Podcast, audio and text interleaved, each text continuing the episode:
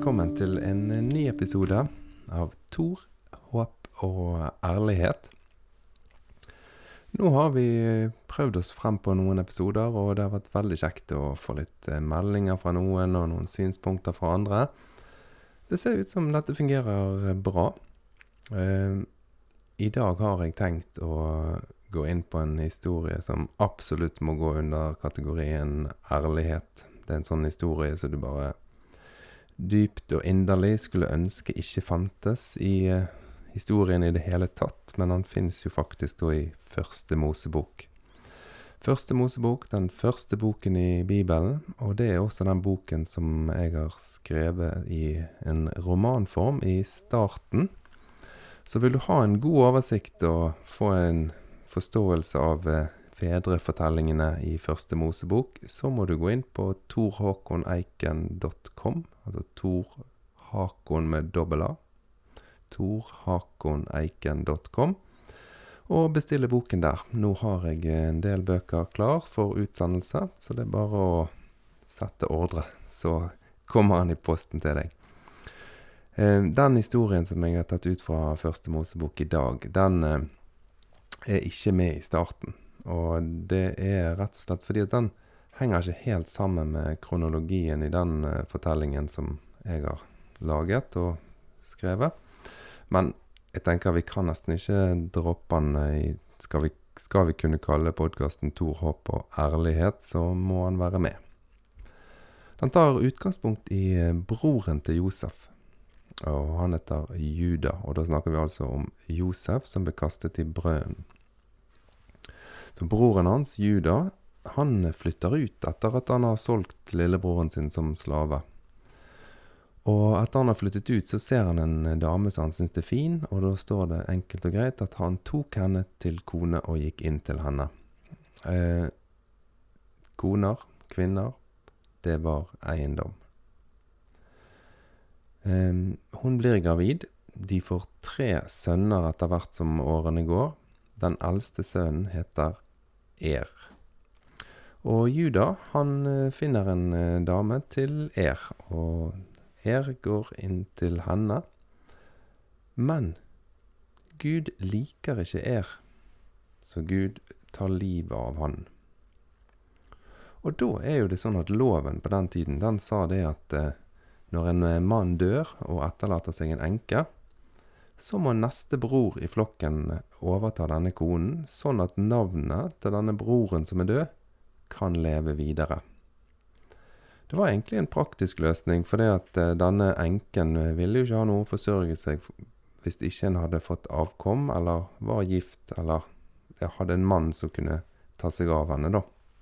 Så det var også en sikkerhet for kvinnene, tross alt. Men de hadde ingenting å si i valget, og det ble nå sånn. Denne sønnen, han hadde det navnet som i dag ikke lyder så godt, men han het Onan. Og Onan han tenkte at eh, hm, hvis jeg får barn med ta Tara, som var da enken etter Er, så vil disse barna tilhøre min storebror. De er ikke mine barn. Så han avbrøt samleiet, han. Og Bibelen på norsk har en fin forklaring. Han spilte sæden sin på bakken. Og hans navn har jo da fått uh, opphavet til begrepet onani, selv om det ikke har noe med det å gjøre. Men det er et sidespor. Nå sto Juda i en situasjon. Han hadde tatt Tara til kone til både eldstesønnen sin, som døde, og så til nest eldstesønnen sin, som døde. Og da har han én sønn igjen. Og da tenker han det må jo være noe farlig med denne damen her, så jeg våger ikke å la min yngste sønn ta henne til ekte. Så han lyger, Juda lyger og sier til henne at du, når han blir litt eldre, han er for ung til å gifte seg nå, når han blir litt eldre, så skal han bli din kone. Eh, nei, unnskyld, skal han bli din mann. Men nå må du bare flytte hjem til din far ø, og leve der. Så skjønner vi at eh, Juda han har ikke noe plan om å ordne dette giftermålet, og det skjønner denne damen også, og hun er ikke interessert i å være en enke som lever uten forsørgning og trygghet. Så når hun hører at Juda skal på reise og kommer til å reise forbi der hun bor, så tar hun saken i egne hender. Hun kler seg ut som tempelprostituert og dekker til ansiktet sitt, sånn at Juda ikke skal kjenne henne igjen. Og når Juda kommer forbi, så sier han at han vil ligge med henne. Og hun sier at prisen for det er et skje, altså en geitekilling. Han sier at det skal han betale, men han har jo ikke med seg penger eller geiten nå. Så som pant, for å være sikker på at hun får betalingen, så legger han igjen staven sin og signetringen sin og en snor. Det ville vel blitt omtrent det samme som å si at ja, jeg legger igjen lommeboken, eh, visakortet og eh, klokken min her. Så er du trygg på at du får betalingen din omsider.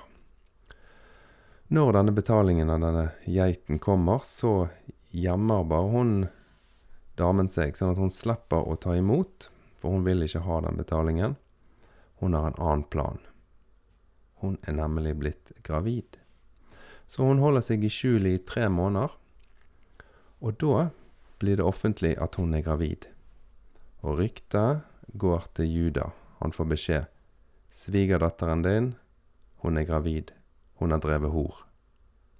Juda feller umiddelbart dommen sin og sier det at ja, da skal hun brennes.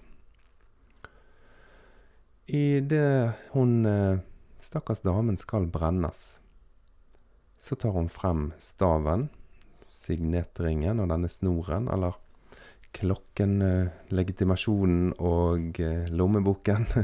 og så sier hun 'Den som eier dette, det er han som er far til barnet mitt'. Så hvis dere finner ut hvem som eier dette, så vet dere hvem som er faren. Da kjenner jo Juda igjen tingene sine, så sier han 'jeg har ikke vært eh, oppført meg riktig her'. Så føder hun tvillinger, og så er historien slutt. Kan du tenke deg? For et kvinnesyn. Tenk at Juda, han kunne kjøpe en tempelprostituert. Bare det at det fins et begrep som heter tempel pluss prostituert, er jo for meg helt vanvittig. Men han kjøper altså sex hos hun. Og det er det ingen som nevner. Forfatteren av denne fortellingen de sier derimot at eh, det at Onan ikke ville videreføre slekten, det gjorde at Gud tok livet av Onan også. Juda er den uskyldige. Eh, den skyldige her, som skal brennes, er den kvinnen som var blitt satt til sides og glemt, og som var blitt først gitt til én mann, og så gitt til en annen mann. Og så må hun gå til sengs med svigerfaren sin i hemmelighet, i håp om å sikre seg et liv. Jeg tar med denne historien fordi at eh, jeg tenker at hun eh, tar Hun er et bilde på kvinner som har måttet ta situasjonen som de lever i, og gjøre det beste ut av den.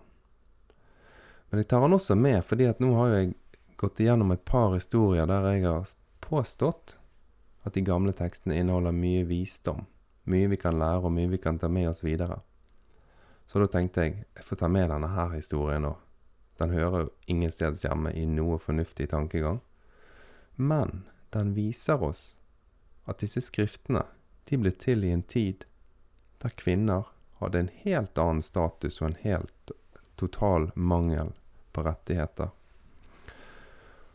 Og da kan vi kjenne på takknemlighet. Takknemlighet for den utviklingen som har vært, som gjør at vi har en likestillingstanke i vårt land. Og så kan vi være oppmerksom på det at kulturer og religiøse tradisjoner til stadighet prøver å dra denne utviklingen tilbake. I tillegg så kan vi ta det som en oppmuntring. Det finnes forferdelige situasjoner der folk har klart å ta tak i livssituasjonen sin, og så snu han, Sånn som Tara gjorde her. Så der har du han. Det var dagens historie. Det er litt av noe greier, men de må med alle sammen, ellers så er jo ikke vi ærlige. Tusen takk for at du hører på. Jeg håper du vil kjøpe boken min på torhåkoneiken.com og lese starten. Jeg tror du vil finne den veldig interessant. Jeg må jo også advare at hvis du har et veldig sånn klart bilde av hva disse bibelske fortellingene inneholder, og du tenker at dette er bare Guds ord og fornuftige tanker, så kommer du til å bli veldig skuffet. For i starten, der er fortellingene satt sammen i den kronologiske rekkefølge, som gjør at du nok blir sjokkert. For dette er ikke den verste historien av de alle, dessverre. Sammen med boken vil du se at det ligger en advarsel. For disse tekstene har gjennom tusener av år blitt brukt som begrunnelse for de forferdeligste handlinger. Og de har blitt brukt som en begrunnelse for svært gode initiativer og handlinger. Så sammen med boken, der har jeg lagt en advarsel og et skriv som eh, gjør at mitt forlag, Eiken Forlag, frasier seg alt ansvar for brukerfeil. Så hvis du gjennom å lese denne boken kjenner at du har lyst til å undertrykke, stenge folk ute, bygge murer, så kan ikke vi ta ansvar for det. Så sånn er det. Vi høres igjen. Det kommer mange episoder. Takk for at du lytter til Tor, håp og ærlighet.